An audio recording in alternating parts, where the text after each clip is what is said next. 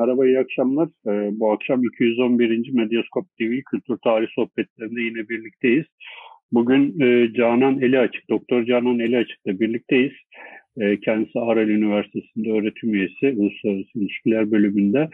E, ve e, bu yakınlarda çıkmış olan, iletişim yayınlarından çıkmış olan Barbarın Tarihi, Ezilenin Dini, Dok Doktor Hikmet Kıvılcımlı da Tarih ve Din başlıklı e, bir kitabı. Bu kitap üzerine bir e, yayın yapacağız. E, kitabı e, konuşmadan önce bu yayında bize destek olan Kronik Kitaba e, kitabın bu ayki e, çıkartmış olduğu yayınlardan bir set hocamıza hediye edeceğiz. O e, seti de şimdi burada gösterelim. E, Kronik kitabı da başlamadan buradan e, bir teşekkür etmiş olalım. Hocam öncelikle hoş geldiniz. Teşekkürler, hoş bulduk. Kitaplar için de ayrıca şimdiden teşekkür ederim. Rica ederiz. Biz de Kronik'e bu teşekkürümüzü iletelim hocam. Ee, hocam şimdi ben bu kitabı okurken tabii e, doktoru hepimiz e, tanıyoruz, tanıdığımızı zannediyoruz, biliyoruz, duyduk, işittik vesaire ama Türk bu çok dar çevrede, dar bir çevrede duyulup işitilen e, bir figür aslında bir yandan da. E, daha çok bir sosyalist e, politik kimliğiyle e, bilinen birisi. E, ama siz e, bu kitapta onun e, hem politik kimliğini belki bir anlamda tekrar gündeme getiriyorsunuz ama ondan daha fazla e, Doktor Hikmet Kıvılcım'ın tarih tezini ve dine bakışını e, gündeme getirmişsiniz. Bu e, açık söyleyeyim ben e, de kendimi bir sosyalist olarak o, o gelenekten gelmiş bir insan olarak e, görüyorum ve e, tabii ki hepimiz doktoru biliyorduk ama ben e, tarih tezinin bu kadar derinlikli olduğunu e, bu kitap sayesinde öğrenmiş oldum ve oldukça şaşırdım açıkçası. E, bu e, unutulmuşluğun sebebi nedir? Yani biraz oradan bir giriş yapalım. Bir yandan mesela ben kitabı okurken e, şey geldi hep aklıma. E, Vedat Türkali'nin Bir Gün Tek Başına romanı veya işte e, Nazım Hikmet'in Memleketinden insan Manzaralarındaki işte Mahkum Halil'i geldi aklıma. Oradaki işte karakterler, orada e, Bir Gün Tek Başına da işte baba karakteri, işte Kenan'a her zaman e, doğru yolu göstermeye çalışan, çözülmüş olan bir e, Kenan var orada bir baba karakteri var ve çok sağlam bir karakter. Ee, bu unutulmuşluğun sebebi nedir? Bir biraz oradan bir gir, giriş yapalım. Daha sonradan yavaş yavaş bu e, hem politik kimliğine hem e, tarih tezine e, de gireceğiz tabii. Buyurun. Teşekkürler tekrar. E, o zaman ben de şeyden başlayayım. Aslında kendi hikayemden biraz başlayıp Tabii. doktorun hikayesine doğru. Çünkü hani e, ben bunu bir doktora tezi olarak yazdım esasında. E, 2013'ün sonu 2014 gibi filan e, doktora tezime karar verirken aslında Hikmet Kıvılcım'ı çalışmaya karar verdim. E, şimdi hani bir doktora tezi çalışacakken e, bir literatür taramasıyla başlanır ya da işte kafanızda aşağı yukarı bir konu vardır ve o alanda ne yapılmış diye bir bakmak gerekir akademik olarak en azından. Doktor üzerine yani Hikmet Kıvılcımlı üzerine e, yazılan tez sayısı o dönemde çok azdı. Yani 3 ya da 4 tane hani e, tez vardı. Şimdi biraz arttı o sayı gerçekten 2018, 2019, 2020 dönemine baktığımızda bir artış oldu ama öncesinde çok azdı. Ama hani Hikmet Kıvılcımlı demek ki az çalışılmış ama üzerine birkaç tane çalışma olan bir isim. E, hangi, ne üzerine çalışılmış daha çok, neler var?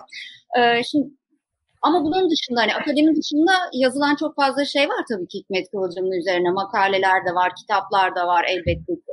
Daha çok hani biyografik olduğunu görüyoruz e, bunların aslında. E, ve Hikmet Kıvılcımlı yani bir devrimci olarak bir komünistin hayatını ele alıyor, yansıtıyor. Elbette ki hani düşüncelerine ya da külliyatına da değinerek. E, ama Hikmet Kıvılcım'ın özel olarak yani onun ortaya koyduğu çalışmalarının e, temelini oluşturan, ona bir taban sağlayan belki de ne var diye baktığımızda tarih tezi çıkıyor karşımıza. Din yorumu da aslında onunla bağlantılı her şey gibi. Yani her konuda aslında hani tarih tezinin etkilerini görüyoruz. Din de bundan bağımsız değil. Böyle bir şeyle çıktım ben, motivasyonla çıktım aslında yola. Ondan sonra da tarih tezi üzerine tabii ki derinleşmek gerekiyor. İşte tarih tezi üzerine olan çalışmalarını ben özellikle bu kitaba aldım. Ve din yorumu üzerine tabii ki. Onun dışında yazdığı çok farklı konular olduğu için hepsini tabii ki bir kitaba ya da teze sığdırmak da mümkün değil. Şimdi ama e, Hikmet Kıvılcım'ın hani neden peki bu kadar az çalışılmış, hani akademik olarak da çalışmaya aslında uygun bir konuyken, çünkü kendisi de aslında akademik çalışmalar yapıyor. Şimdi bahsedeceğiz mutlaka ki programda ama hani disiplinler arası çalışması, farklı konulardan, disiplinlerden faydalanması, kaynakçasının zenginliği vesaire bir akademisyen titizliğinde mi diyelim artık hani akademiyi de böyle yüceltmek için söylemiyorum. Ama ona e, onun içine girebilecek bir e, yöntem benimsediğini ya da öyle bir incelikli çalışma yaptığını da söyleyebiliriz. Neden unutulduğuna gelince tekrar söylemek gerekirse aslında yani zamanında da sizin söylediğiniz gibi belki çevresinden hep Hikmet Kıvılcımlı'ya bir değinip geçme var. İşte romanlarda yer verme, şiirlerde bahsetme ya da işte yeri geldikçe anılarda ya da işte tabii ki Türkiye Komünist Partisi'nin tarihini yazarken Hikmet Kıvılcımlı olmazsa olmaz. Ama e, Hikmet Kıvılcımlı'nın tarih tezi aslında kendi döneminde de çok e, ilgi çektiğini söylemek mümkün değil. Bunu kendisi de ifade ediyor ve gerçekliği de böyle. E, hani bir dinleniyor belki ama işte çeşitli yerlerde bir cezaevi anısı var filan böyle anlattırılıyor tarih tezi vesaire. Ama hep böyle bir aslında da şeyle bakılıyor da. Yani nasıl diyeyim küçümseme diyebiliriz belki işte bir yakıştıramama hali ya da ne bileyim hani dikkate almama. Bunu ben şöyle bir paralellik şimdi siz soruyu sorarken aklıma geldi. Bugün de aslında çok fazla yok. Neden? Aslında doktorcu çevreler var değil mi? Yani Hikmet Kılıcı'nın takipçileri var. Çok da değerli insanlar bir kısmını tanıyorum ve arkadaşım ama bu süreçte tanıştığım insanlar. Ee, ama günlük pratik de öyle bir şey ki herhalde e, sizin hani yola çıktığınız insanı bile bazen e, çok fazla dikkatinizi verememenize neden olabiliyor. Yani o günlük pratikten başınızı kaldırıp işte Kıvılcımlı mesela başını kaldırıp işte tarih tezine bakıyor ya. Bugün o zor ama yani yapmak lazım. Hani zor diye e, yapmamazlık etmemek lazım herhalde. E, bu nedeni olabilir. Bugün hani çok fazla dikkatin verilememesinin nedeni. Ben de bir akademisyen olarak çalıştım mesela. Çünkü hani doktora tezi yazıyorum. İmkan var yani işte bir tez yazacağım. Ve, ama bunu da Hikmet Kıvılcımlı için kullanmak istedim mesela böyle bir imkanı. Dolayısıyla hani imkan meselesi birazcık da belki biraz o işte zamanı yaratma, o emeği belli bir yöne odaklayabilme, belli bir şeye verebilme. Bugün hani eksik olan birazcık o olabilir belki. Bir de dediğim gibi yani hani bir biyografik biyografi olarak ele almaktansa işte Hikmet Kıvılcımlı nedir, kimdir gibi bakmaktansa çalışmalarına birazcık daha derinlikli inmek lazım. Ee, onu da anlayabilmek çok zor değil. Gerçekten ciddi bir emek ve zaman istiyor. Ee, bu olabilir ama dediğim gibi yani bugün hani nedenler bu olabilir ama geçmişe baktığımızda da e, tabii Hikmet Kıvılcım'ın da çok şikayetçi olduğu bir sürü nedeni var aslında görmezden gelinmesinin. Dediğim gibi hani o e, belki o hani entelektüel olarak ele alıyorum ben ama o entelektüelliğin işte Kıvılcımlı'ya belki biraz yakıştırılamaması belki biraz onun fazla eleştirel olması ve her kesimi eleştirmesi aslında yani eleştirilerinden herkesin payını alması birazcık ona karşı bir şey yaratmış olabilir. Ee, genel olarak böyle söyleyebilirim. Hani eksik bıraktığım yerlerde olmuştur. Muhakkak onları belki sonraki sorularda tamamlarım. Yani şöyle e, ben devam edeyim. E, bizim biraz önce bahsettim programdan önce ama tekrardan e, bahsetmek istiyorum. Bizim ilk programı kaydını bugün tekrardan dinledim ben. E, kayda girme programa gel programa başlamadan evvel. E, biz ilk programda da Cengiz'le yaptığımız ilk kayıtta da e, Hikmet Kıvılcım'ın Osmanlı tarihinin maddesine atıfla e, konuştuk. Yani e, biz üzerimize düşen görevi yap, başından itibaren yapmaya çalışıyoruz.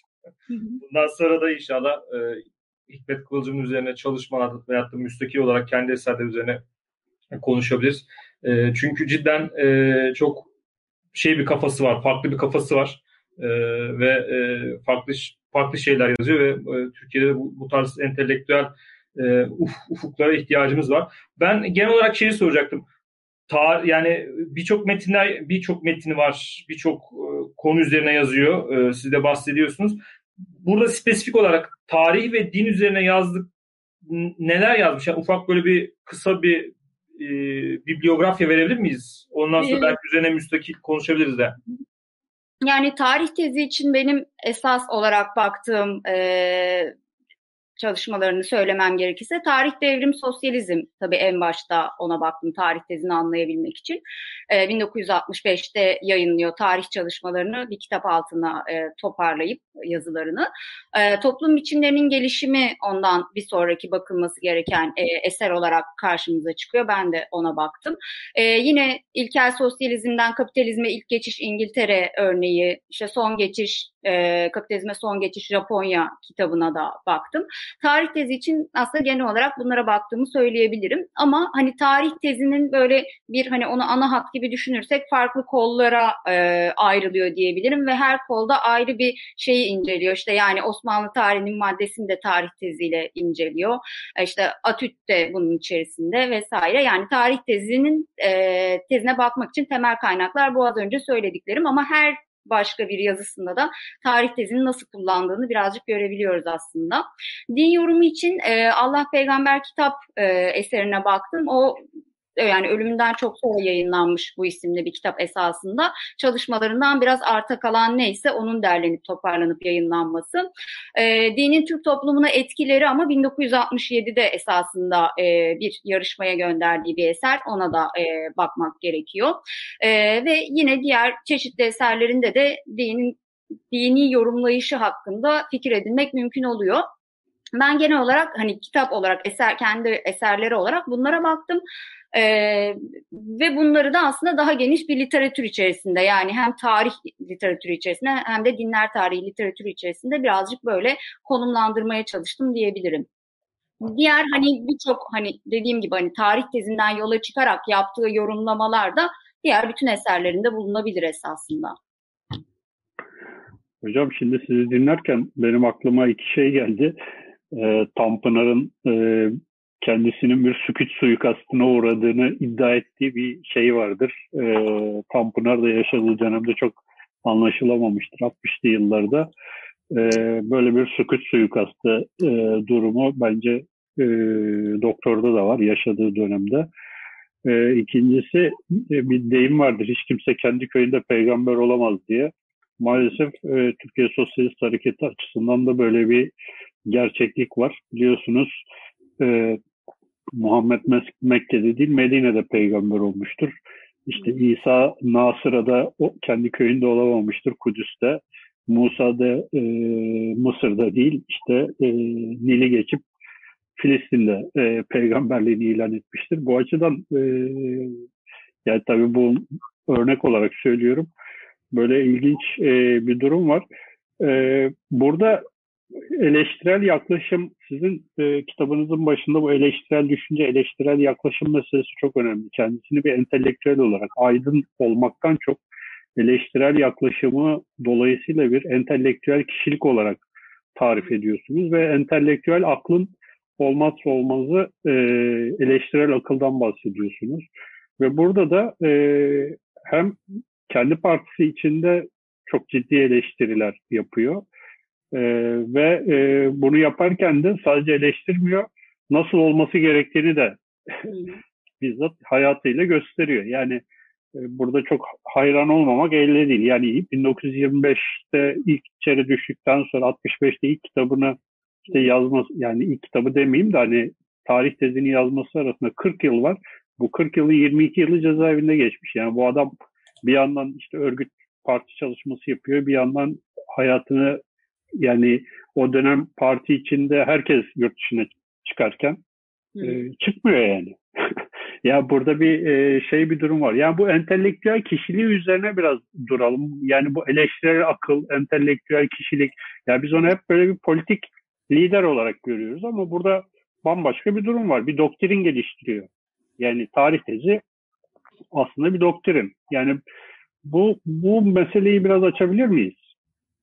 Tabii. E, şimdi Kıvılcımlı sizin de dediğiniz gibi tabii ki hani bir devrimci işte bir lider e, sürekli de bir şeyde yani bir örgütlenme çabası içerisinde aslında pratikten de hiç kopmuyor ve örgütlülüğün önemli kendisi de farkında. Hani TKP'de de örgütleniyor kendi parti kurma deneyimi işte dernekler vesaire işte sendikalar üzerinden bir parça da olsa bir şekilde iletişim kuruyor. Ee, böyle bir e, şeyi var ama hani diğer taraftan benim kitabımın ana konusu tarih tezi ve din yorumu olduğu için e, bu onu benim için bir e, aydın ya da entelektüel konumuna da sokuyor aslında. E, dolayısıyla da hani bir aydın diyebiliriz gibi yola çıktım ama hani literatüre baktıkça aslında aydınla entelektüel arasında da bir ayrım yapıldığını görmeye başladım. Biraz bunun üzerine gitmek istedim. Yani neden böyle bir Osmanlı aydını ya da münevveri e, diyemez miyiz Kıvılcımlı'ya mesela?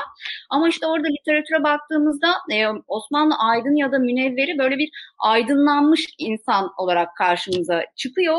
Ama işte bilgiyi almış, aydınlanmış bir insan ve onu aktarıyor. Ama entelektüelle baktığımızda hani ayırt edici bir özellik olarak aslında bilgiyi üreten de bir kişi ve bu bilgiyi kullanıyor da, değişim yolunda da kullanıyor.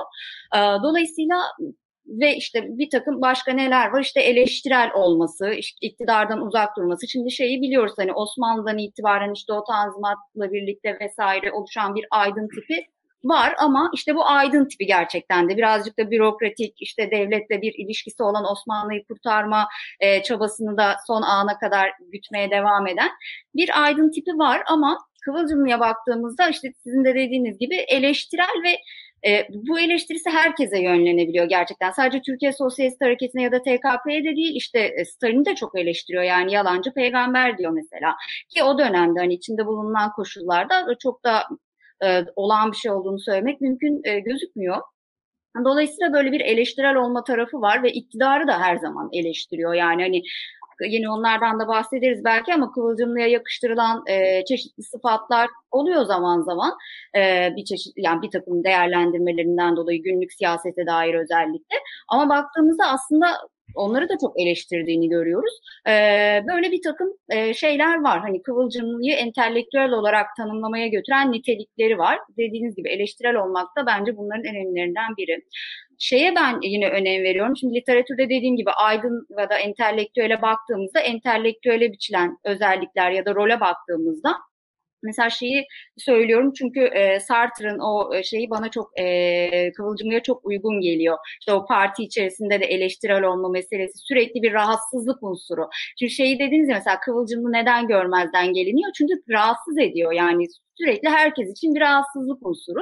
Dolayısıyla hani aman ilişmeyelim e, şeyi de biraz var.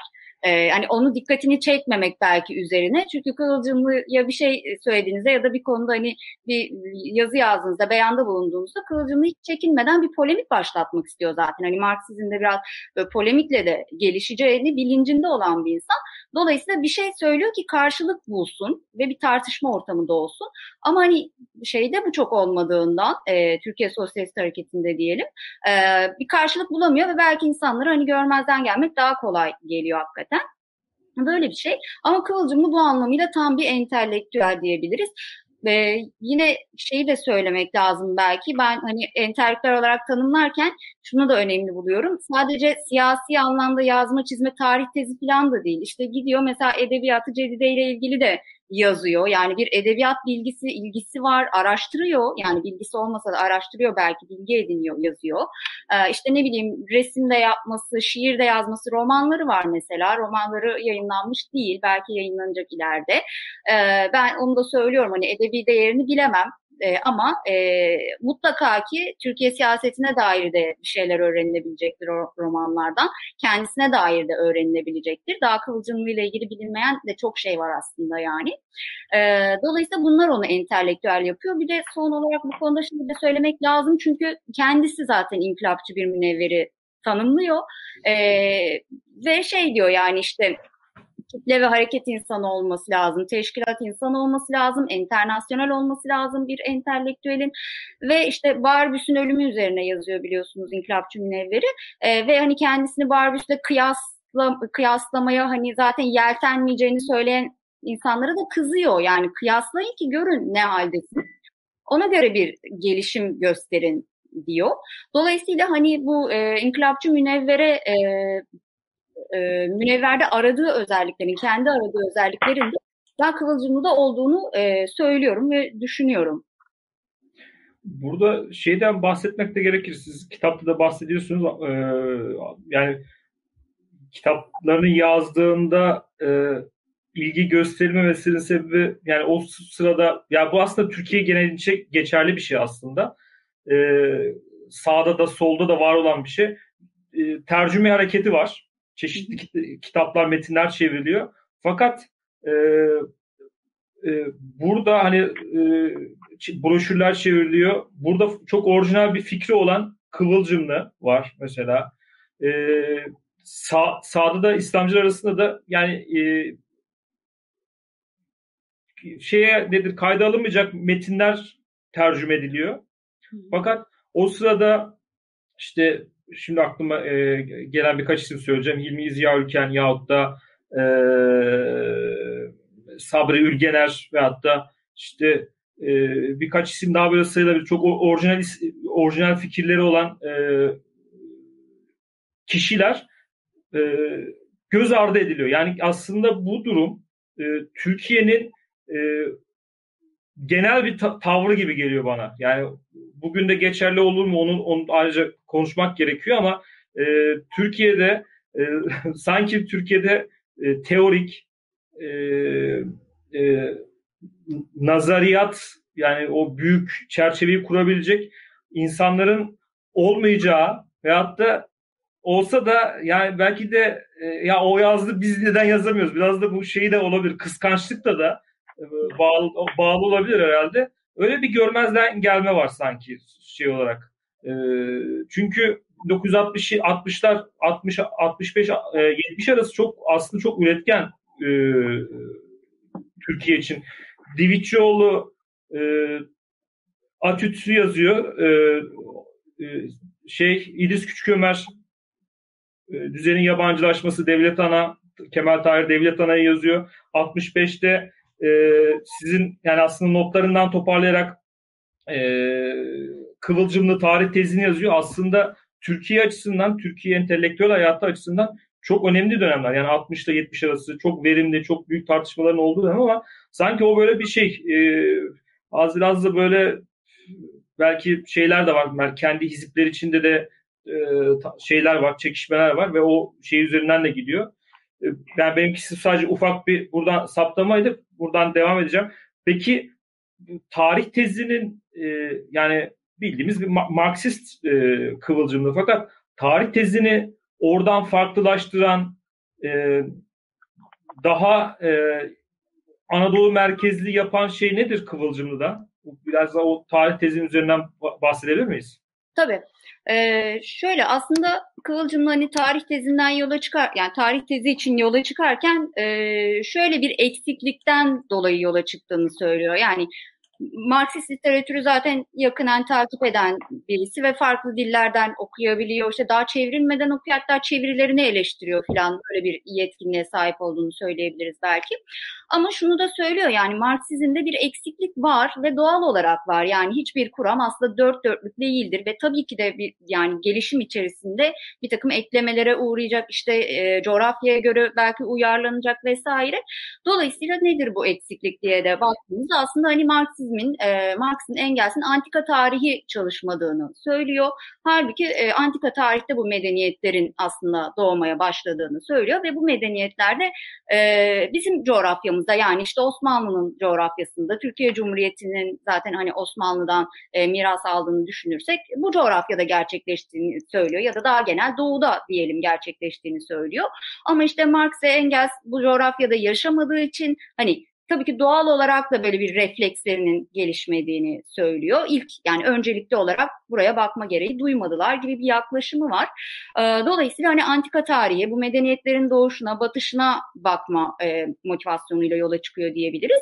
Ee, ve burada da işte mesela tarihsel devrim, sosyal devrim ayrım yapıyor. Bu da Kıvılcımlı'ya has bir şey.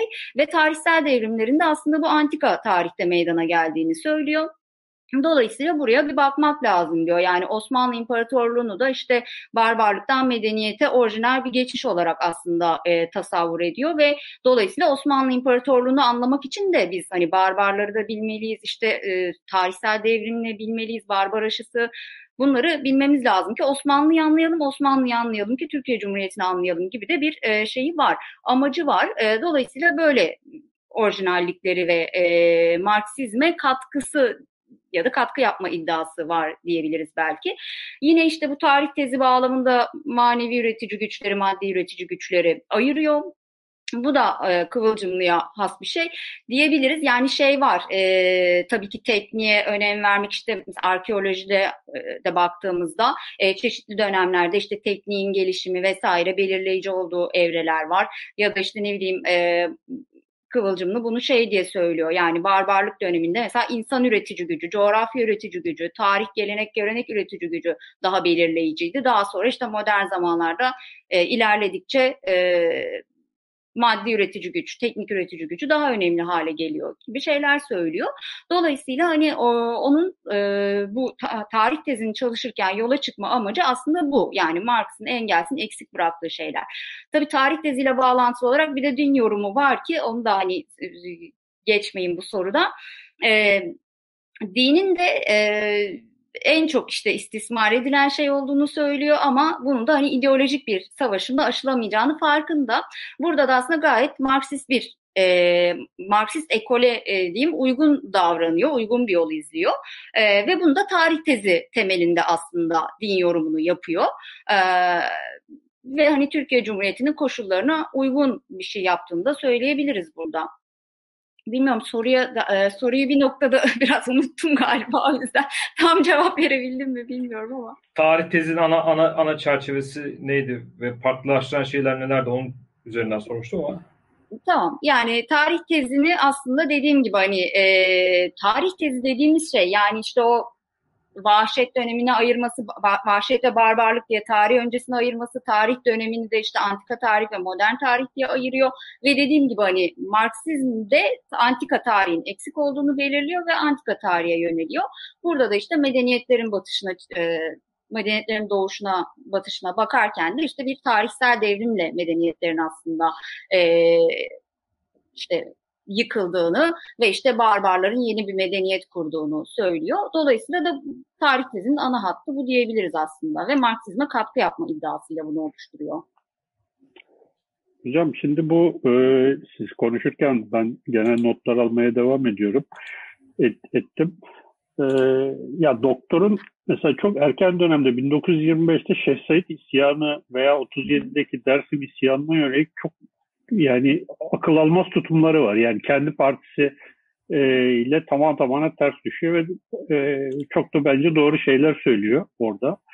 E, bu, o sırada işte Sovyetler Birliği'nin e, lideri olan Stalin gibi bir figürü yerden yere vuracak kadar e, özgür düşünebiliyor. Yani kendi partisi içinde anlaşılmıyor ama mesela Aynı 1965'te Murat Belge e, yıl 60 veya 70'te hatırlamıyorum. Murat Belge'nin yazdığı şeyler var. 74'te de olabilir, 75'te evet. olabilir. Murat Belge de anlamamış. yani e, Murat Belge de diyor ki ya bu jargon diyor çok zorlama jargon falan diyor. Yani adamın orada yapmaya çalıştığı şey yani yeni bir jargon geliştiriyor ama yani şimdi burada şunu anlamamı, anlamamız lazım bence. Ee, bir yandan pratik bir örgütlenme yapıyor. Yani işçilere Marksizm anlatacak ve yeni bir jargon geliştiriyor. Yani 1925'te kendi partisi anlamıyor ama 50 e, sene sonra 75'te daha bağımsız olanlar da anlamıyor. Yani burada çok acayip bir durum var. Yani bunu bir bence bir deşmek lazım. Ee, geçenlerde e, Dücane Cündoğlu'nun ben bir şeyini dinledim. 1967-68 yılı Türkiye e, entelektüel tarihi açısından çok önemli yıllardır. İşte bu e, şeyden bahsediyor. İşte Divitçioğlu, Kemal Tahir işte e, vesaire. Aslında söylemediği bence Doktor Hikmet de var o e, şeyin içinde. Çünkü o tarih tezini de o dönemler yazıyor. E, burada e, şöyle bir cüret var. Yani bu cüreti biraz konuşmamız lazım. Mesela ben okurken şunu gördüm. Analiz denilen okul ortada yokken aslında e, şey e, doktor Anales okulunun, analcı ekolün e, temellerini bu ülkeye getirmiş. Yani bu tartışılmış. Ve e, bugün pek çok akademisyen Anales ekolünden e, şey yaparak, şimdi isim vermeyelim, e, bunlar yazıldı, çizildi. E, bu, bu ekolü e, baz alıyor ama mesela doktora referans vermiyor. Ya bu mesela gerçekten tuhaf bir durum. Yani e, bunları biraz açabilir miyiz? Yani bu İbn Haldun'la olan ilişkisi, birkaç dili öğrenmesi, e, makaleleri orijinal dilinden okuması, yeni bir doktrin geliştirme çabası, işte partisi o yani 50 yıl içinde bile anlaşılamaması meselesi bana çok e, ilginç geldi. Bugün de hala bence yeterince tartışılmış da değil tabii. E, biraz böyle hani daldan dala sordum ama siz ne demek istediğimi anlamışsınızdır. E, biraz bunlara da değinsek iyi olur sanıyorum. Ee, şöyle yani o dönemde anlaşılmaması mesela dediğiniz gibi hani e, bu şey var ya kitapta e, işte Nazım Hikmet mesela cezaevinde anlattırıyor tarih tezini. İşte zannediyor ki kimse anlamayacak, dalga geçilecek falan. Halbuki doktorun dilinden anlatıldığında anlaşılıyor yani e, ve büyük bir ilgiyle de dinliyor insanlar. Ya da işte yine Şefik Hüsnü'nün öyle bir şeyi var işte e, doktor nazizme mi kayıyor, barbarları mı idealize ediyor gibi bir yaklaşımı var. Yani burada ben dediğim gibi şeyi çok mesela önemli buluyorum. Onu da e, kitapta da çok vurguladım belki burada da vurgulayayım. İşte o Kıvılcımlı'nın e, yani bu şey değil e, Vedat Türkali'nin de mesela söylediği bir şey işte zihni Anadolu'nun vurguladığı bir şey ve daha sonra doktor üzerine yazılan çeşitli yayınlarda da bu vurgulanıyor özellikle ve o bunu görmemek mümkün değil. Yani doktorun o sınıfsal kökeni gerçekten. Çünkü hani Türkiye Sosyalist Hareketi'ne baktığımızda işte o fikir üretme, işte o liderlik etme iddiasındaki insanlar hep böyle birazcık daha şey üst e, bir sınıftan geliyorlar. İşte Osmanlı'nın paşaları, beyleri vesaire bir e, ne denir? E, işte bir bilim yapma ya da araştırma yapma da bir lüks gibi bir şey var ya hani bir lüks bir var gerektiriyor. Yani bir imkan gerektiriyor. Doktor da ondan mesela çok şikayet ediyor. Şimdi Anares benim de çok e, önem verdiğim bir şey. O yüzden ona da ayrıca değinmek isterim. E, mesela Mişle ile işte Anares'in Anares okulunda atası olarak aslında Mişle belirleniyor. E, ve Mişle ile Kıvılcımlı e, fikirlerinin çok benzer olduğunu fark ettiği noktada Mişle'ye de çok e, böyle bir e, güzel bir dilde şey yapıyor. Yani hani sana mı ağlayacağız gibi bir yaklaşımı var. Hani ben cezaevi koşullarında o kadar zor koşullarda yazıp çiziyorum. Sen arşivdesin yani artık daha ne olsun ve emekli ediliyorsun buna mı şikayet ediyorsun gibi bir yaklaşımı var. Ben bunu çok hoş buluyorum. Ee, serzeniş yani hani doktorun o sık sık kendi çevresine serzenişte bulunuyor ama e, gidiyor Mişte'ye de serzenişte bulunuyor. E, ve şey yani bu analiz okulu meselesi hakikaten e, 1963'te yazdığı bir yazı e, var Kıvılcımlı'nın ve onu işte arşivde e, ben o belgeyi bulup e, çevirisini sağladım. Ve yani çok şaşkınlıkla ve heyecanla karşıladım. Bu kitabın hani en e, şey seni heyecanlandıran noktası ne deseniz belki Mişle derim gerçekten de. Çünkü bu analiz okulu bağlantısı çok önemli. Doktor gerçekten de daha yani 25 yılında tarih tezinde çalışmaya başlıyor. 65'te yayınlanıyor ve biz analiz okulundan bahsederken 1960'larda ancak işte Türkiye'de analiz okulunun gerçekten böyle bir görünürlüğü olduğunu söylüyoruz. Hani 1930'larda filan da şey yapılabiliyor ama ilk erken temsilcileri 1960'lar ağırlıklı olarak. Ama şimdi analiz okulunun bizde yani bu kadar daha erken bir temsilcisinin olma olma durumu varken e, neden bu zikredilmesin adı analiz okulundan bahsederken Hikmet Kıvılcımlı da olmalı bu erken dönem temsilciler içerisinde. İşte disiplinler arası e, çalışması, işte o aşağıdan gelenlerin ya da işte ezilenlerin tarihi, antropolojiden, arkeolojiden faydalanması vesaire bir toplumsal tarih anlayışı var gerçekten de. Ee, böyle ama dediğim gibi yani şey o o böyle bir anlayıştayken ya da böyle bir düzlemdeyken işte o nazizme mi kayıyor gibi bir e, bakış açısıyla mı mücadele ediyor diyeyim artık yani çok eşitsiz bir şey var gerçekten arada. E, dolayısıyla anlaşılmaması böyle değerlendirilebilir. Hani Murat Dergen'in de e, o yazısında hani mesela o yeni işte Marksizmde olmayan bir şey söylüyor diyor mesela ama hani Kıvılcım'ın zaten iddiası bu. Marksizmde olmayan bir şey söylüyorum diyor zaten. Evet yani yeni bir kavram söylüyorum diyor zaten. Dolayısıyla bu eleştirilecek bir şey değil. Mesela e, evet o dönemler çok gerçekten verimli belki 1960'lar boyunca işte Kemal Tahir'in de adını zikrettik diye de söyleyeyim. Mesela doktor herkes gibi Kemal Tahir'e de biraz öfkeli. Çünkü şey diyor ona da yani aslında benim yazdıklarımı dinledi yıllarca cezaevinde. Sonra böyle bir şey çıktı ortaya diyor. Ve hakikaten bence Kemal Tahir'deki o birazcık daha e, nasıl diyeyim hani zikzaklı mı diyeyim, kararsız mı diyeyim düşünce akışını görünce e, böyle bir şeye çok ihtimal e, vermiyor da değilim açıkçası. Tabii ee, burada bahsetmek gerekiyor hocam. Ee, Kemal Tahir, Nazım Hikmet ve Hikmet Kıvılcımlı e, beraber hapishane Evet. Hapis, mahpusluk hayatları var yani beraber geçiyor yani evet. onu onu bahsetmek gerekiyor. Evet e, bir de şey de bahsetmek gerekiyor aslında kitapta ben onu da e, özellikle yazmak istedim. Nazım Hikmet'le de mesela Kıvılcımlı'nın hani böyle çok şey bir ilişkisi var. Nazım Hikmet'i de çok ağır eleştiriyor aslında baktığımızda. Hani bazı öyle ağır olmayan e, ağır değilmiş gibi gözüken ama aslında çok ağır olan şeyler söylüyor. E, ama mesela Nazım Hikmet'le böyle bir dostluk şeyi de var. Yani o dönemin insanları arasında o şeyi de görmek lazım aslında. Mesela şunu da diyor yani partiye eleştirilerim Nazım Nazım'ın şeyine indirilmemeli diyor. Yani Nazım Hikmet e, bağlanmamalı buna diyor. Yani benim çok daha geniş eleştirilerim var. Nazım Hikmet'e yaptığım eleştiriler ne ki falan gibi bir noktada aslında ve yüz yüze de bu eleştiriyi yapabiliyor, konuşabiliyorlar. İşte Nazım onu anlıyor filan. Böyle de bir ilişkileri var. Onu da bir kenara koymak lazım herhalde. Ee,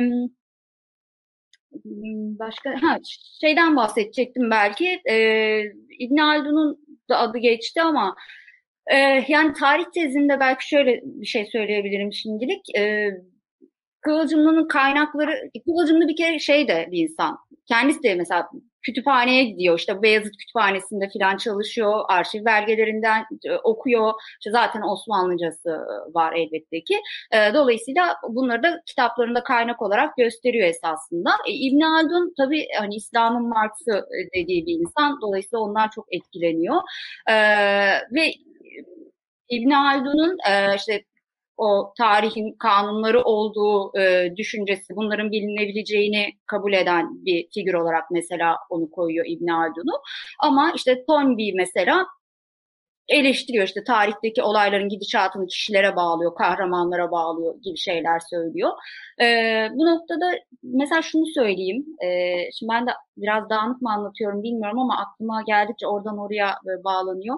Mesela Kıvılcımlı'yı ben e, o özellikle de Mişle ile ilgili yazdıklarından dolayı tarihçi olarak adlandırabilir miyiz diye de bir şey düşünüyorum. E, çünkü kendisini de aslında bir tarihçi olarak da görüyor bir taraftan benim anladığım, özellikle o metinden anladığım. E, çünkü şey diyor mesela tarihçinin görevi bu değil midir? İşte tarihçi e, olayları zaten kendi işte yaşadıklarıyla da e, boyar, kendi yaşadıklarının da etkisi olur vesaire sözlerinden. Aslında hani kendisi ben de bunu yapıyorum diyor. İşte Mişle de bunu yaptığı için küçümseniyor ama aslında hani Mişle onlara cevabını veriyor falan gibi şeyler söylüyor. Hani bir noktada kendini bence tarihçi olarak da görüyor ve e, Kıvılcım'ın o tarih tezine geçmeden önce tarihe yaklaşımı var. Mesela işte olayların belli yönlerini ortaya çıkarma, olayları kopuk kopuk ele alma. Mesela bizim okullarda öğrendiğimiz tarih anlayışı işte gibi. Bunları da eleştiriyor. Yani tarih yazımına ve yöntemine ilgili ilişkin de söylediği şeyler var. Ee, dolayısıyla bence tarih tezi o işte barbarlar ıı, falan filandan önce tarih yöntemiyle de ilgili e, eleştirileri ve düşünceleri olması da bence çok kıymetli. Bu anlamda bence bir tarihçi yönü de var dediğim gibi o analiz okuluyla da bağlantılı olarak. Burada şeyden kaynaklarından biraz daha bahsedebilir miyiz? Hem şey anlamında hem kişiler anlam, anlamında hem de bilimler anlamında. Çünkü çok farklı yerlerden çok farklı şekillerde besleniyor. Bu da e, yani bunları açabilirsek çok iyi olur. Tabii yani mesela e, Morgan tabii ki e, en Amerika'da an, antropolog Morgan'dan çok etkileniyor ki Morgan'ı Engels de e, zaten e, çok kullanıyor ve takdir ediyor. Hatta Yanlış söylemeyeyim ama Engels Morgan için diyordu galiba. O da tutuş kum, kum, e, kum kuması neydi? Tutuş kum Unutuluş. diyordu galiba. Yani işte Engels de Morgan için bunu söylüyordu. E, görmezden geliniyor gibi bir şey söylüyor bu anlama gelen. Yani Hikmet Kılıcım'ın sık sık kullandığı şey aslında Engels'te de var. E, dolayısıyla e, Morgan'dan çok faydalanıyor. Morgan'ın işte komün keşfini, tarih öncesi döneme ait e, söylediklerini. Çünkü işte komünde yaşanan her şey aslında bugün de yaşanan şeylerin bir e, temeli olarak görüyor. Yani komünü aslında işte atomun çekirdeği gibi toplumun çekirdeği görüyor filan. E, Morgan'dan çok faydalanıyor. Bunun dışında e, yani e, İbn Haldun tabii ki başlıca söylemek lazım ama mesela Naima yani Naima da İbn Haldun'dan faydalanan bir Osmanlı tarihçisi. Ee, Kıvılcım da Naima'ya e, referans veriyor. İşte Katip Çelebi'den de faydalanıyor keza. Ee, bunun dışında yani Toynbee'yi de eleştiriyor ya da işte ne bileyim e, Gordon Child'dan e, da faydalanıyor. Yani eleştiriyor ama aldığı şeyler de oluyor ondan. E, bunun dışında işte mesela Freud Freud'u da okuyor, biliyor ve kendi mesleğinden dolayı da bu aslında birazcık herhalde yani psikiyatri olmasından dolayı, psikiyatrist olmasından dolayı. Ee, bunlar yani ve ve şey tabii ki bir dizi işte Osmanlıca arşiv belgesinden de e, faydalanıyor çalışmalarında genel olarak. Hocam bu psikiyatrist olması ile e, sınıfsal pozisyonu e, ile birlikte düşündüğümüz zaman bu dine yaklaşımı çok orijinal. Ee, hem sosyal psikoloji açısından belki birçok şeyi değerlendirmiş olabilir. Ee, ve bildiğimiz Marksist yaklaşımın, Ortodoks Marksist yaklaşımın veya işte resmi Marksist yaklaşımın çok dışında e, bir tutumu var ve e, dinin devrimci bir e, özü olduğu konusunda çok ısrarcı. Hatta ben geçenlerde Twitter'da paylaştım. 163'ten dava açılan Hani dava hani di, dini siyasete alet etmekten tam dava açılacakken savcı anlamış ya bu herif komünist buna 141'den açalım falan diye ama hani 163'ten ilk başta soruşturma açıyor. Belki de tektir yani hani sosyalist evet. hareketin tarihinde 1957'de işte Eyüp Sultan Camii'nin avlusunda yaptığı meşhur konuşma. Şimdi burada e, bu sınıfsal pozisyonu ve psikiyat, psikiyatrist olması ile e, dine bakışı arasında bir e, paralellik siz seziyor musunuz? Dine bakışı nasıldı? E, ve bu e, kökenler itibariyle e, bu bakış ne derece etkilenmiş olabilir? Ee, şöyle yani evet çünkü mesela dinle ilgili söylediklerinde e, ilk başta söylediği şu aslında hani e, dinin aslında bilinçaltına bastırıldığını söylüyor ve dolayısıyla bunun aslında bir psikanaliz yöntemiyle işte psikanaliz gibi e, bilinç üstüne çıkarılması gerektiğini söylüyor. Bunun bir işte araştırılması, incelenmesini, bu da to- toplumsal olarak yapılması gerektiğini söylüyor. Mesela hep eleştirdiği de işte mesela Freud'dan da faydalanıyor. Freud'da totem tabu e, var ve işte Freud mesela totem tabuyu e, şeyle işte obsesif kompulsif bozuklukla yani bir takıntı durumu işte bir şey yapmadığın zaman başına bir şey geleceği düşüncesi insanları e, o hareketi tekrarlamaya yönlendiriyor. Çok kabaca söylüyorum psikiyatristler, psikologlar bana yani Freud'daki böyle bir e, yansıması olduğunu söylüyor ama mesela şey olarak eleştiriyor Freud'u. Hani birey bunu bireysel alıyorsun ve bireyi toplumdan ayırarak alıyorsun diyor. E, dolayısıyla kendisi de burada Freud'a referans veriyor işte psikanalizden bahsediyor vesaire. Bence e, şey var yani mesleğinin e, etkisi var. O disiplinler arası olmasında da mesleğinin e, çok etkisi olduğunu düşünüyorum. Onun birazcık daha böyle e, o yelpazeyi geniş tutmasında bunun etkisi olduğunu düşünüyorum. Bunun dışında e, dine şöyle bakıyor yani hani din aslında e, işte çok tanrılıktan tek tanrıcılığa doğru gidilen bir kutsallaştırma e, süreci olarak e, din karşımıza çıkıyor. E, şunu da söyleyeyim aslında hani e, şeye baktığımızda hani Rosa Luxemburg'a baktığımızda ya da Lenin'e baktığımızda onların dine yaklaşımına baktığımızda onların da e, aynı şekilde neredeyse ya da çok benzer şekilde baktığını görebiliyoruz. Yani Lenin de şey diyor hani parti programı olarak e, dinle mücadele edeceğiz ama hani e, pratik ya da işte halkın e, şeye hitap ederken hani bir propaganda e, yaparken e, başka bir şey yapmamız gerekiyor e, gibi bakıyor ya da işte onlar da işte Rosa Luxemburg'da mesela ilk Hristiyanları e, daha böyle işte e, komünist görüyor ya da işte daha eşitlikçi görüyor vesaire. Hani böyle yaklaşımlar olduğunu söylemek mümkün. Kıvılcımlı da e, şeyi farkında hani ideolojiyle işte ne bileyim bu din karşıtlığıyla kaba bir şekilde kaba materyalizm denilen şekilde dinle mücadele edilemeyeceğini söylüyor. Yani Marksist bir ateizm işte o dini aşmak yolunda bir e, anlayış olması gerektiğini söylüyor. Dolayısıyla bu da dinin nasıl e, işte bu çek, çok tanrıcılıktan tek tanrıcılığa doğru bu kutsallaştırma sürecinin nasıl işlediğini anlamaya çalışıyor esas olarak diyebiliriz. E, dine bakış açısı böyle. Yani aslında ne oldu mu acaba? Abi Heh, tamam. Ya şey de şu da var aslında e, hem Osmanlı tarihiyle ilgilenmesi hem e, dine yaklaşımı normalde e, Türkiye'de Osmanlı tarihini işte e, mukat şeyler işte daha muhafazakarlar e, Osmanlı öncesi veya İslam öncesi Türk tarihini e, milliyetçiler e, işte sekülerler e, sekülerler ise Osmanlı sonrası dönemi hep böyle e, ilgi alanı da e, tutmuştur. Bu belki da, şu anda tabii daha bu şey çözülüyor. Yani nedir? Bu e, çalışma alanları çözülüyor. İnşallah daha da çözülsün. Yani bir Marksist gözle e, mesela Divitçioğlu'nun yaptığı gibi e, İslam öncesi Türk toplumları işte Orta Asya'daki Türk toplumlarının üzerine çalışmak ve ondan e, cidden bu çapraz ilişkileri yaparak çalışmak çok e, mümbit. Yani aslında e, ne kadar mümbit olduğunda hem e, Kıvılcım'ın Kıvılcım'ın metinlerinden ve onun devamcısı sayabileceğimiz belki Ümit Haslan'ın mesela metinlerinden aslında e, görebiliyoruz. E, bu şey açısından Türkiye'deki tarihçilik, Türkiye'deki entelektüel hayat açısından da önemli. Burada hani belki şeyden de bahsetmek gerekir mi? Devamcıları var mı? Yani tamam böyle göz ardı ediliyor ama e, takip edenler var mı? E, Kıvılcımlı entelektüel anlamda çok böyle de hani tamamen kapalı değil herhalde. Mesela benim bildiğim bir Ümit Aslan var. Yani onun haricinde nasıl etkilenmişler, nasıl e, entelektüel ilişkileri var, devamlılık, süreklilik anlamında. Ee, ya benim de bildiğim Ümit Aslan var. Çünkü Ümit Aslan gerçekten de şey hani e, Kıvılcımlı'dan faydalanıp ona referans da veren e, nadir insanlardan biri. Hani belki de tek diyebiliriz gerçekten. Hani varsa da ben de şimdi e, yok demeyeyim çünkü yanlış olabilir.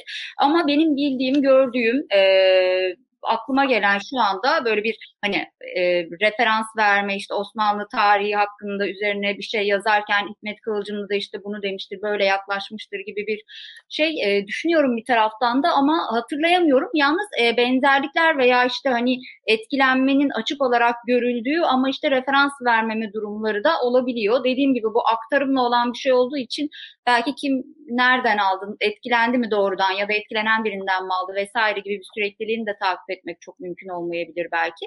Ama benim de aklıma gelen dediğim gibi hani Osmanlı tarihi veya dinler tarihi söz konusu olduğunda e, Kıvılcımlı'ya öyle bir atıfta bulunan e, akademik ya da entelektüel bir hani şey aklıma gelmiyor açıkçası. Dediğim gibi yok da demeyeyim çünkü varsa da şimdi yani şey tabii.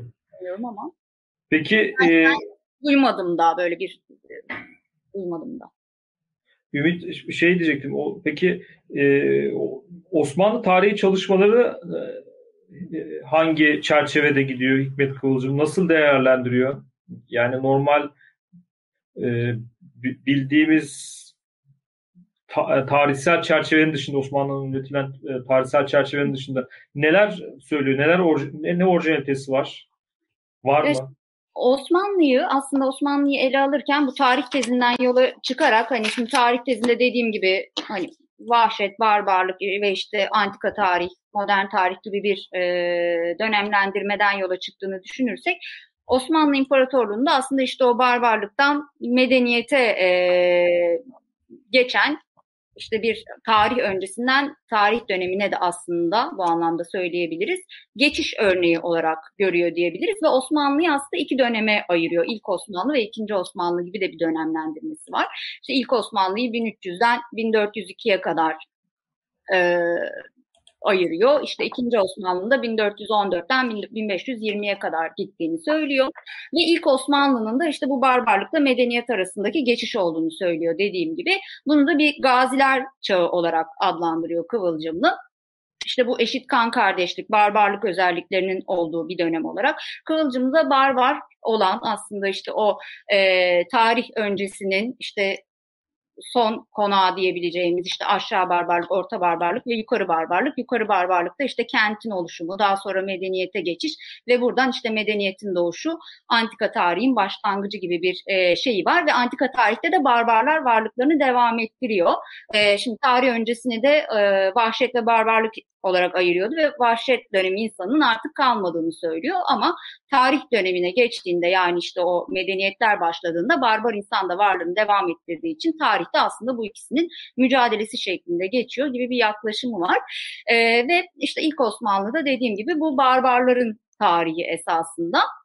İkinci Osmanlı ise işte artık e, devletleşmenin başladığı ve bu devletleşmeyle, medeniyetleşmeyle birlikte de e, devletin işte yani yozlaşmanın başladığı bir dönem esasında. işte o çadırdan saraya geçiş dönemi, işte devletin e, toplumun üstünde olması, padişahın yine e, işte e, padişah çevresinde bir e, işte organik devletleşmenin gerçekleşmesi vesaire öyle e, açıklamaları var ve dediğim gibi e, şeyi mesela hani o e, Yıldırım Beyazıt'ın mesela işte Timur tarafından öldürülmesi dönemini o 1402'den sonraki dönemi aslında bir barbar aşısı olarak da görüyor Timur'un da şeyini ve Osmanlı bu barbar aşısı olmasa çok daha erken de yıkılabilirdi gibi bir yaklaşımı var. Ee, dolayısıyla işte Fatih Sultan Mehmet'le birlikte o fetihle birlikte e, biraz canlanmanın geldiğini söylüyor yine Osmanlı İmparatorluğu'na. E, ama Kanuni Sultan Süleyman dönemiyle birlikte ve işte e, kesim düzenine geçişle birlikte de bunun artık geri dönülemez bir biçimde e, yozlaşmaya başladığını, bozulduğunu, geri dönülemez bir hal aldığını söylüyor e, diyebiliriz. Bu bakımdan mesela hani Osmanlı tarihinde e, bir komünist olarak belki orijinal görülebilecek şey işte bu İstanbul'un alınması meselesine yaklaşımı, 1453'e yaklaşımı olabilir. E, onu da e, dediğim gibi mesela Osmanlı'nın Bizans'a bir e, şey olarak görüyor bir barbar akını olarak görüyor. Dolayısıyla Bizans'ın zaten çökmekte olan bir medeniyet olduğunu söylüyor. İşte Osmanlı'nın aslında e, bir barbar akını yaparak çökmekte olan bir medeniyeti e, işte çökmesine neden olduğunu filan söylüyor. Böyle bir yaklaşımı var. Yani bunu bir tarihsel devrim olarak gördüğünü söyleyebiliriz aslında. Bu anlamda da mesela Osmanlı'nın Bizans'tan işte çeşitli üst yapı kurumlarını aldığını söylüyor. Böyle bir yaklaşımı var. Ee, yani Türklerin işte İslamiyet'e yine barbar aşısı yaptığını söylüyor. E, ve aslında Osmanlı'nın da işte İslamiyet'ten toprak ekonomisini aldığını, Bizans'tan da üst yapı kurumlarını aldığını aslında bu iki medeniyetin işte bir e, ne diyelim hani o iki medeniyete barbar aşısı yaparak bir e, medeniyet kurduğunu söylüyor diyebiliriz. Ama dediğim gibi daha sonra işte bu kesim düzeni, toprakta işte toprak sisteminin bozulması vesaireyle birlikte de o yozlaşmanın geri dönülemez bir hale geldiğini söylüyor. Yani Osmanlı tarihine tarih tezi ekseninde bakışı e, böyle ana hatlarıyla bu şekilde diyebiliriz. Bu İstanbul'un fethi konusunda epey ezberleri bozmuş 1953 e, senesinde. Hatta İstanbul Fethi Derneği'ne falan evet. devam etmiş vesaire. Bu 51 tevkifatında tutuklanmıyor. Ee, daha sonra işte Vatan Partisi'ni kuruyor vesaire. Bu işte meşhur seçim konuşmaları ondan sonra işte bu Kerim Korcanlarla e, Nudiye Yalçı'yla olan ilişkisi çok ilginç. Orada mesela Nudiye Yalçı'nın gerçekten e, hayatını ayrıca bir araştırma konusu yapmak gerekiyor. Ee, Yaptım, da e, yaptım ben. Hemen onu söyleyeyim. Kitabınızı, evet kitabınızı şey yap. Evet, e, daha da belki hani şey evet, yapmak evet. lazım. E, burada e, özellikle 1960 ihtilalinden sonraki yaklaşımlarında çok böyle e, orduyu çok böyle e, yani fazla orducu diyebileceğimiz e, şeyleri var, tutumları var. E, mesela bu yeni bir anayasa öneriyor. Bu anayasada e, içkiyi ve kumarı yasaklayalım falan gibi böyle bir takım e, şeyleri var. E, yani bayağı püriten e, yaklaşımları falan var. tabii bunlar gündelik siyasetin hani e, şeyleri olabilir. Bunu çok şey yapmaya gerek yok ama o dönem e, böyle de bir damar var. Yani işte bir orduculuk, Doğan Avcıoğlu ekibi var vesaire. E, bu e, 71 darbesinde de aynı e, şeyi bir anlamda belki yaşıyor. Daha sonra da aslında bunda yanıldığını da hani fark ediyor. Bu bu meseleye yaklaşımı nasıl? Yani hem e, yani tarih tezi açısından mı bak yaklaşmış e, bu meseleye yoksa güncel politik e, hesapları mı e, düşünmüş e, ve e, mesela bir anayasa hazırlayıp e, mektupla bunu yollaması veya şey yapması da çok ilginç. E, burada o doktrin çerçevesinde mi yaklaşıyor bu değerlendirmelerine yoksa tamamen politik e, şeyler mi? Siz ne düşünüyorsunuz bu konuyla? Şöyle, e, ilk önce o sorudan önce şeyi bir hemen not düşeceğim. Çünkü iki, iki kere unuttum onu söylemeyi. İstanbul'un fethi meselesinde de önemli bence. Ben Kıvılcımlı'yı bir de e, bir hani Osmanlı e, aydını diyebiliriz. E, Celal Nuri ileriyle mesela düşüncelerinde paralellikler kuruyorum. Bu İstanbul'un fethi meselesinde de mesela Celal Nuri ileriyle bence çok benzer düşünüyorlar. O da böyle bir e, fethin böyle bir özelliği olduğunu söylüyor. Ama hani tabii şey o e, bir komünist değil ve işte sosyalizmi, komünizmi e, Türkiye'ye de uygun bulmuyor. E, ama şeyde de e, dine yaklaşımda da mesela Celal Nuri'leri ile çok paralellikleri olduğunu düşünüyorum ve Celal Nuri'lerden de birkaç eserinde bahsediyor. Hani e, okumuş, biliyor vesaire. Yani direkt bir etkilenme var mıdır bilmiyorum ama ben öyle bir paralellik kuruyorum. Onu söyleyeyim. E, şeye geçince hani 27 Mayıs'a gelince yani 27 Mayıs'ı evet hayatının sonuna kadar aslında olumlu e, anıyor diyebiliriz. E, ama şey olarak olumlu anıyor. Yani Şimdi ordu Osmanlı İmparatorluğu'nun işte Osmanlı Devleti'nin o ilk Osmanlı kurulurken işte bir gaziler çağı, işte ordu, asker zaten devletten önce var ve devlet aslında onun o iç üstüne oturuyor diyor. Ve dolayısıyla bu ilk o gaziler ülkücü çağında işte böyle bir eşitlik, kan, kardeşlik vesaire e, olduğunu söylüyor. Şimdi ordu kafasında böyle bir e, yere oturuyor ve bu bir zamansal olarak da sanki o gidiyor. Yani o bakış açısı var e, Kıvılcımlı'da. Ve e, 27 Mayıs'ta mesela e, 27 Mayıs'ı olumlu anarken şunu da söylüyor. Ya kaçırılmış bir fırsat gibi görüyor aslında. Hani 27 Mayıs'ta işte finans kapitale bir e, şey yapılacaktı hani bir suçüstü yapılacaktı ama o yine baskın geldi diyor ve ordu aslında hani halkın yararına bir tavır alabilecekken, işte halkın yanında olabilecekken olmadı, işte doğru yönlendirilemedi diyor. İşte o şeyde de aslında o doğru yönlendirme çabası var. Kendisi yönlendirebileceğini düşünüyor yani öyle de bir iddiası var. İşte bu Kıvılcım'ın iddiası aslında her şeyde var. Yani o işte teoriye katkı yapma iddiası da ama güncel siyasette etkili olma iddiası da bence görülüyor. Dolayısıyla şeye öyle bir bakışı var. Yani orduya öyle bir bakışı var. Şeyde de e, mesela hani e, mesela Kem, şeyin de Mustafa Kemal'in de ilk e, dönemlerini, ilk askerlik dönemlerini böyle görüyor. Yani onu da öyle bir olumlu özellik atfettiğini söyleyebiliriz belki. İşte birinci kuvayi milliyecilik olarak görüyor. İşte ikinci kuvayi milliyecilik 27 Mayıs ama 27 Mayıs'ın işte e, nasıl bir kazanç olacağı olabilecekken işte son anda yani kaçırıldığını, ordunun halkın çıkarına davranmadığını, dolayısıyla hani adeta bir karşı devrimle karşılaştığını söylüyor işte 1970'lerde artık. Dolayısıyla böyle bir şeyi var, 27 Mayıs'ta böyle bir yaklaşımı var. Mesela anayasa teklifi aslında onu daha öncesinde hazırlıyor ama 27 Mayıs'tan sonra böyle bir çağrı yapıldığında o anayasa teklifini gönderiyor. Ee, yani dediğim gibi hani o siyasete etkin olma düşüncesiyle bence yola çıkıyor. Ama bu içki kumar meselesinde mesela şeyi de söyleyeceğim. E, o bir muhafazakarlık anlamında okumuyorum ben Kıvılcım'ın hayatına baktığımda. Şeyi söylüyor yani devrimci kendi vücudunu korumalı diyor. Yani o ona bakmak zorundasın diyor. Mesela hapishane dönemlerinde işte e, sporunu eksik etmemesi, soğuk suyla yıkanması vesaire hani hep böyle bir zinde olma e, şeyi var onda. O yüzden kendi e, yoldaşlarına da zaman zaman e, kızıyor işte sigara da keza sigara, içki gibi e, şeyleri e, istemiyor. Yani bir devrimcinin hayatında olmaması gerektiğini düşünüyor. Öyle bir artık nasıl adlandırılır bilmiyorum öyle bir yaklaşımı var.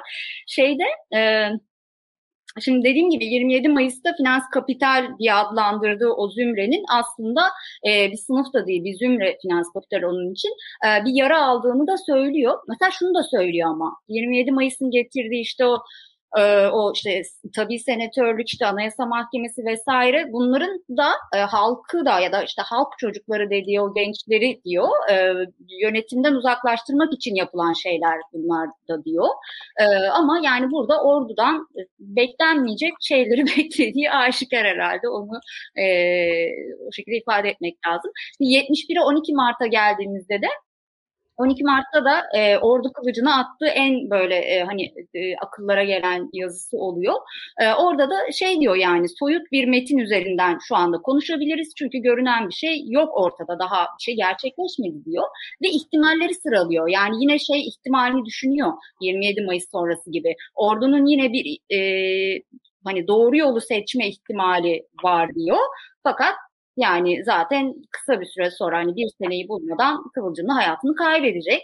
E, dolayısıyla 12 Mart üzerinde nasıl değerlendirmeler yapardı sonrasında bilmiyoruz. Ha şeyi biliyoruz yani o günlük anılarda tabii 12 Mart'tan da e, yani öyle ordunun öyle bir yolu o zamana kadar izlemediğini görüp tespit ediyor e, diyebiliriz. Bir de hocam ben devam edeyim. Buradan çünkü soruyla da bağlantılı olabilir yani şeyle de bağlantılı olabilir biraz önceki konularla da bağlantılı olabilir.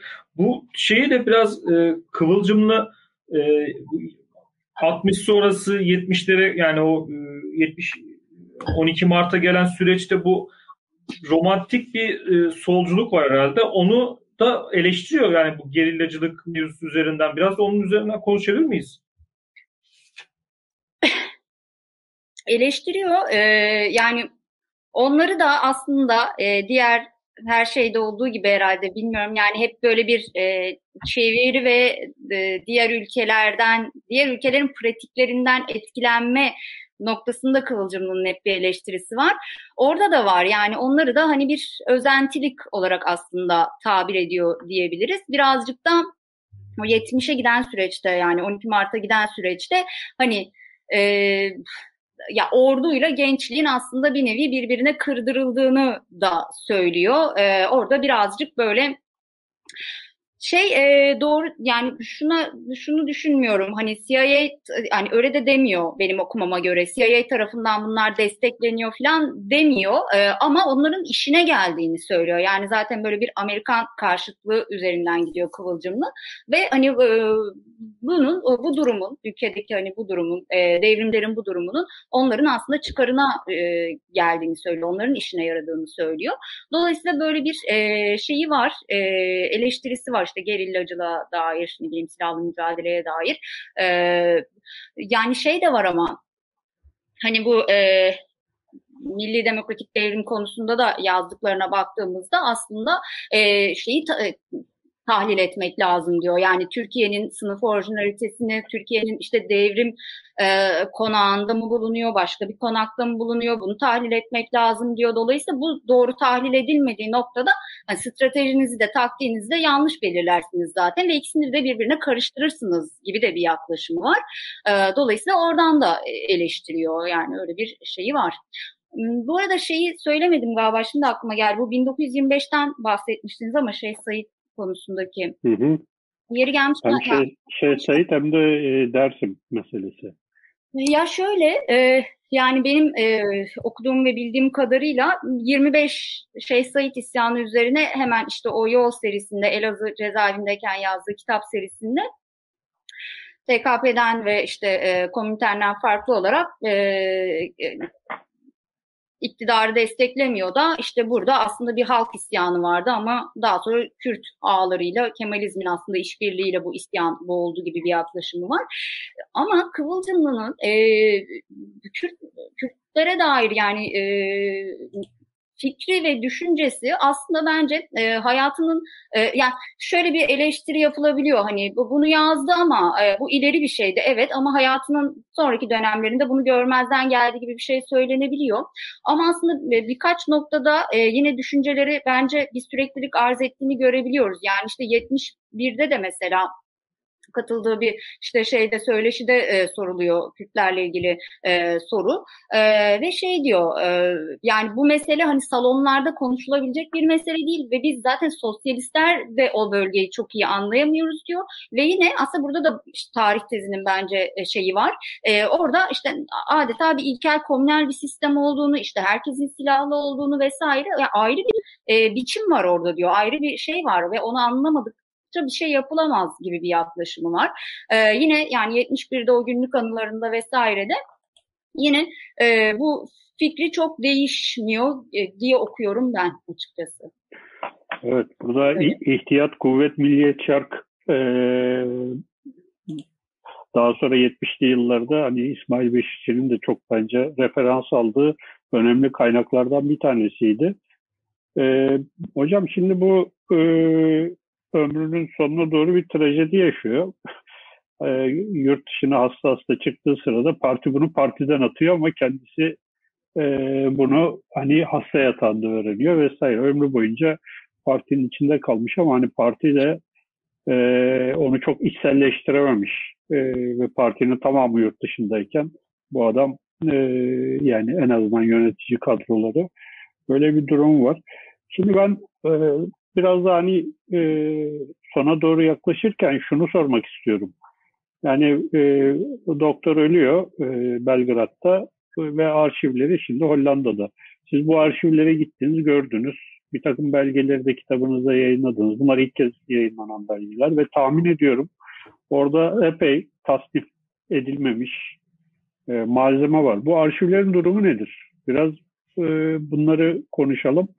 Ve bununla ilgili bir proje var mı? Yani bunların e, çevirisi, işte tasnifi ve yayınlanması ile ilgili e, biraz da bunları konuşalım isterseniz. Ee, şöyle söyleyeyim, e, şimdi Hani arşiv e, orada e, neticede ve benim de bir şekilde onlara ulaşmam gerekiyordu bir doktora tezi de olduğu için. E, ben oraya TÜBİTAK bursuyla gittim. Doktora sırası yurt dışı araştırma bursuyla ve hani e, kılıcımlı üzerine bir tezde e, o bursu almak benim için de kişiler şeyinde ayrı bir yeri var gerçekten. Ama e, şarttı yani e, oraya gitmek. E, çok güzel çalışan bir arşiv. Bir kere ben şunu söyleme, söylemek zorundayım. Yani Türkiye gibi arşivlere çok önem vermeyen bir yerde e, bir anekdot olarak anlatayım. Mesela Fatma Müge Yalçı'dan bahsettik. Ben e, işte bir kitap bölümü yazmaya çalıştım onunla ilgili. Ee, ve çok hani detaylı çalışmak istedim. İşte bulabileceğim kadar bilgi bulayım dedim ve e, işte Çapa Öğretmen Okulu'na gittim mesela. Çünkü işte Darül Müallimat'tayken işte orada okuduğuna dair falan bir kayıt bulmak istedim. Ve çok uzak bir tarihte değil aslında ama arşivin e, arşiv varmış aslında ama çok e, yani içine girilemeyecek bir vaziyette olduğu söylendi bana. E, çok acı bir şey. Kim bilir kimler geçti o okuldan. Yani bir şey bulmaya çalıştığınızda bulamıyorsunuz. Bu oraya özgü bir şey değil. Yani o okulu şey yapmak için söylemiyorum. Türkiye'de arşivcilik e, herhalde yani bilir kişi de değilim ama e, çalışmaya çalışan biri olarak söyleyeyim çok iyi durumda gibi gelmiyor bana. Dolayısıyla e, Hollanda'daki arşivse yani muazzam hani çalışması vesaire size sağladıkları olanaklar, kolaylıklar e, çok iyi ve çok güzel korumuşlar arşivi. O bakımdan bence iyi bir şey bu. E, ha diğer taraftan ben oradayken e, benim orada çalıştığım dönemde e, bir e, grup hani doktorun da takipçisi diyebilirim herhalde. E, bunu hani en azından e, dijitalleştirelim gibi bir istekleri vardı ve onu ben oradan ayrıldıktan sonra tamamladılar bildiğim kadarıyla. E, arşivin büyük bir kısmı da şu anda online olarak e, enstitünün sitesinden ulaşılabiliyor e, diyebiliyorum ama şeyler değil tabii hani e, herhalde o fotoğraflar işte kişisel eşyaları var mesela Kıvılcım'ın orada birkaç tane pusula falan vardı. E, yanlış hatırlamıyorum. Birkaç bir şey daha vardı. E, neyse yani böyle bir e, büyük kısmı aslında dijitalleştirildi diyebiliriz. E, ha, ben bütün arşivi kopyaladım orada online olarak bende yani şeyde var. Hmm, bilgisayarımda var.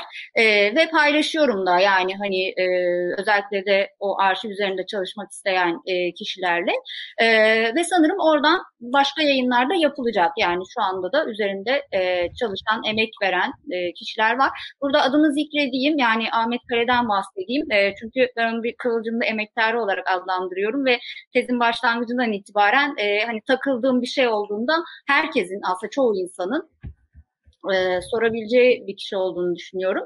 Onun da çalışmaları devam ediyor. Hani sağlığı vesaire el verdiği müddetçe sanırım devam edecek. Ben de keza elimden geleni yapmaya çalışacağım bundan sonrasında da tabii ki. Ama şunu da hemen ekleyeyim. Çok daha fazla gerçekten insana ihtiyaç var çalışmak evet. için. Kıvılcımının çok fazla dediğim gibi yani arşive baktığınızda işte böyle bir kağıt parçasına yazmış bir işte yani e, şeye yazmış işte kendi o e, ne denir doktor doktorların kullandığı reçete. Reçete. Ve, evet, vizit, vizite kağıdı. tekrar reçeteler. Yani e, ve doktorun el yazısını bu arada Osmanlıca el yazısını ben bu süreçte Osmanlıca e, öğrenmeye başlamıştım doktora tezi sürecinde. E, matbuyu öğrendim. Matbuyu okuyabiliyorum ama el yazısına da biraz başlamıştım yani Rika öğrenmeye. Fakat Kıvılcım'ın el yazısını görünce bu isteğim pek kalmadı. Çünkü okuması çok zor. Yani çok iyi okuyan kişiler bile ben o 1963 tarihli e, çalışmayı profesyonel birine okutmaya çalıştım. Ve bir müddet sonra e, yıldı. Bir şey var. E, zor bir iş. Ama umarım çok daha fazla insan e, bunu yapmaya çalışır ilerleyen süreçte. Hocam bir şey soracağım. E, e, abi bir şey soracağım da bu e, el not, not bir şey eklemek istiyorum. Ben, ben sormayacağım. E, bu el yazısının bu kadar e, çözülemez olması biraz parti hayatıyla da alakalı bir şeydir. Onu söylemek Aa, doktor istiyorum. olmasıyla da alakalı olabilir mi? yani. Yok o daha çok daha çok yani o, o kuşağın e, işte bu aşırı illegal e, hayatlar yaşaması ve e, neredeyse e, okunamaz bir şey geliştirmenin yani siyakat gibi bir şey e, evet. dil kuruluyor falan böyle bir şey olduğunu e, düşünüyorum. Evet o zaman. Tuttuğu nottan hepsi Osmanlıca mı yoksa Latin Yok. Latince hepsi hepsi Osmanlıca değil mi? Hayır hayır hepsi, hepsi Osmanlıca değil. Ee, normal şey e, yani Latin harfleriyle yazdığı da var. E, var yani bayağı var aslında. Bir de şey Osmanlıca yazdıklarının da aslında büyük bir çoğunluğunu e, Fuat Fegan'da daktilo ediyor e, ve çeviriyor da. Hani Fuat hmm. Fegan da bu konuda e, Latife Fegan'ın da adını almak tabii ki lazım. E, o ikisi hani e, iki kişi doktorun e, en herhalde önemli yardımcıları gerçekten. Ve çok da titiz çalışmışlar. Yani arşivde dediğim gibi Fuat Fegan'ın mesela notları da var. Yani işte o şey atüt toplantısında not tutmuş işte Kıvılcımlı süresi süresini işte süresi yetmedi vesaire diye onları görmek çok güzel. Tarihe çok güzel notlar düşmüşler. Onu da söylemek lazım yani onların da çok tabii ki ciddi emekleri var. Evet hocam son olarak ben bir bir soru daha sormak istiyorum. Bu kapaktaki fotoğraf nedir? Şimdi kapaktaki fotoğraf ya Kıvılcımlı'nın ben bunu e... hiç daha önce görmedim de o yüzden yani görünce de çok evet. şaşırdım. Doktorun zaten çok az fotoğraf çektiriyor. Bu illegalite meselesi yüzünden e, bunlar öyle e, her yerde fotoğrafları olan adamlar değil. Bunu da hiç görmemiştim. Daha çok da fotoğrafları cezaevinde ve okul sıralarında zannedersem ya da işte tıp e, okurken filan çünkü böyle önlüklü fotoğrafları filan da var. E, Kıvılcım'ın çok aslında güzel fotoğrafları var bence gerçekten. Bu son dönemde işte renklendirmeler falan da oldu. Ee, güzel fotoğraflar ortaya çıktı. Ben o çok kullanılan bir fotoğrafı var. Onu hiç e, şey yapmıyorum. E, hiç beğenmiyorum açıkçası ve keşke kullanılmasa diye düşünüyorum. Özellikle hani son dönemlerinde çekilmiş vesaire fotoğrafları. Şimdi ben kitap için özellikle bu fotoğrafı ben tercih ettim ve Tanıl Hoca da sağ olsun çok beğendi. Böyle bir şeyimiz uyuştu orada kafamız. E, elinde balta var ve işte cezaevi muhtemelen odunlarını kendileri kesip herhalde. Çünkü o zamanki cezaevi koşulları da farklı ya. Mesela Kırşehir'de bulun Kırşehir'deyken işte hasta bakıyor filan. Öyle cezaevi koşulları var. E, ya da işte Sultanahmet cezaevindeyken Emine Hanım'la e, e şey yapıyor işte e, selamlaşıyor filan. Öyle koşullar var. Ee, oradaki balta da işte bana bir barbarlığı çağrıştırdığı için esasında kitabın ismiyle de e, çok güzel denk düşüyor gibi geldi. Ve sevdiğim, beğendiğim bir fotoğraf oldu. Umarım beğeneni beğenmeyeninden daha çok olmuştur. Ben çok beğendim. Ee, kitabın içeriğiyle de çok uyumlu. Yani ben de zaten benzer bir şey düşünmüştüm. Elinde baltayla e, yani bir barbarlık e, şeyi var yani e, imajı var. E, hocam benim sorularım bitti. O zaman var mı senin sorun? Benim de bitti. Ya sadece şunu söylemek istiyorum. E, ufak bir tarih not olsun diye. E, işte şeyi Hikmet Kıvılcım üzerine konuştuk. E, Türk entelektüel hayatın, Türk tarihçilerinin önemli bir figürlerinden olan e, Mehmet Genci de 18 Mart günü kaybettik. E, o da e, cidden Türk tarihçiliği için önemli bir e, şahsiyetti, önemli bir tarihçiydi. Allah'tan da ona rahmet diliyoruz. Hikmet Kıvılcım'la beraber e, ona, ona da rahmet okuyup bitirebiliriz. Benim için de sorun yok. Evet. Hocam sizin son olarak söylemek istediğiniz bir şey var mı? Siz evet. e, bu alanda belki bir yani e, ilki demeyelim ama önemli bir iş yaptınız. Belki yani bu alanla ilgili çalışacak olan insanlara söylemek istediğiniz bir şey vardır. Son olarak sözü size bırakalım. Sonra da kapatalım. Çok teşekkür ederim. Yani size ve hani kitaba ilgi gösteren herkese çok teşekkür ederim. Çünkü şey çok önemli. Yani ben de hani kitapta biraz onu vurgulamaya çalıştım ön sözde de. Hani Kıvılcımlı tarih tezi için benim vukuatım oldu diyor. E, bu tez ben oldum diyor yani. E, dolayısıyla e, ve her şeyi söyleyeyim eğer hani vakit vakti çok da almak istemiyorum tabii, ama. Tabii buyurun. Tabii istediğiniz gibi devam edebilirsiniz. Mesela Mişte'de de o var, Kıvılcım'da da o var. Yani sesini duyuramayanların sesi olma mevzusu ve biz onların yani arşivin sesini duyurmadığımız müddetçe o orada kalacak. Yani Hikmet Kıvılcım'ın arşivi kullanılmadığı müddetçe orada e, senelerce kalmaya mahkum. E, dolayısıyla böyle bir görev mi diyeyim artık sorumluluk üzerine e, herkesin alabildiği kadarıyla yapması iyi olur. E, ben de hani onun Hikmet Kıvılcım'ın sesini birazcık daha geniş kitlelere e, duyurabildiğim ettiysem benim amacım gerçekleşmiş sayılır. E, dolayısıyla ve şey de söyleyeyim yani hani iletişim yayınlarından bu kitabın çıkmasına ben kendi kişisel e, şeyimden öte yani akademik e, durumumdan öte e, Hikmet Kılıcı'nın belki biraz daha hani yaygın olarak daha e, yaygın olarak bilinebileceğini, duyulabileceğini e, ne inandığım, düşündüğüm için de seviniyorum ayrıca. Ee, böyle yani umarım çok fazla insana ulaşılır, ulaşır ve beğenilir. Tabii ki herkes bunu ister. Ee, böyle çok teşekkür ederim tekrar.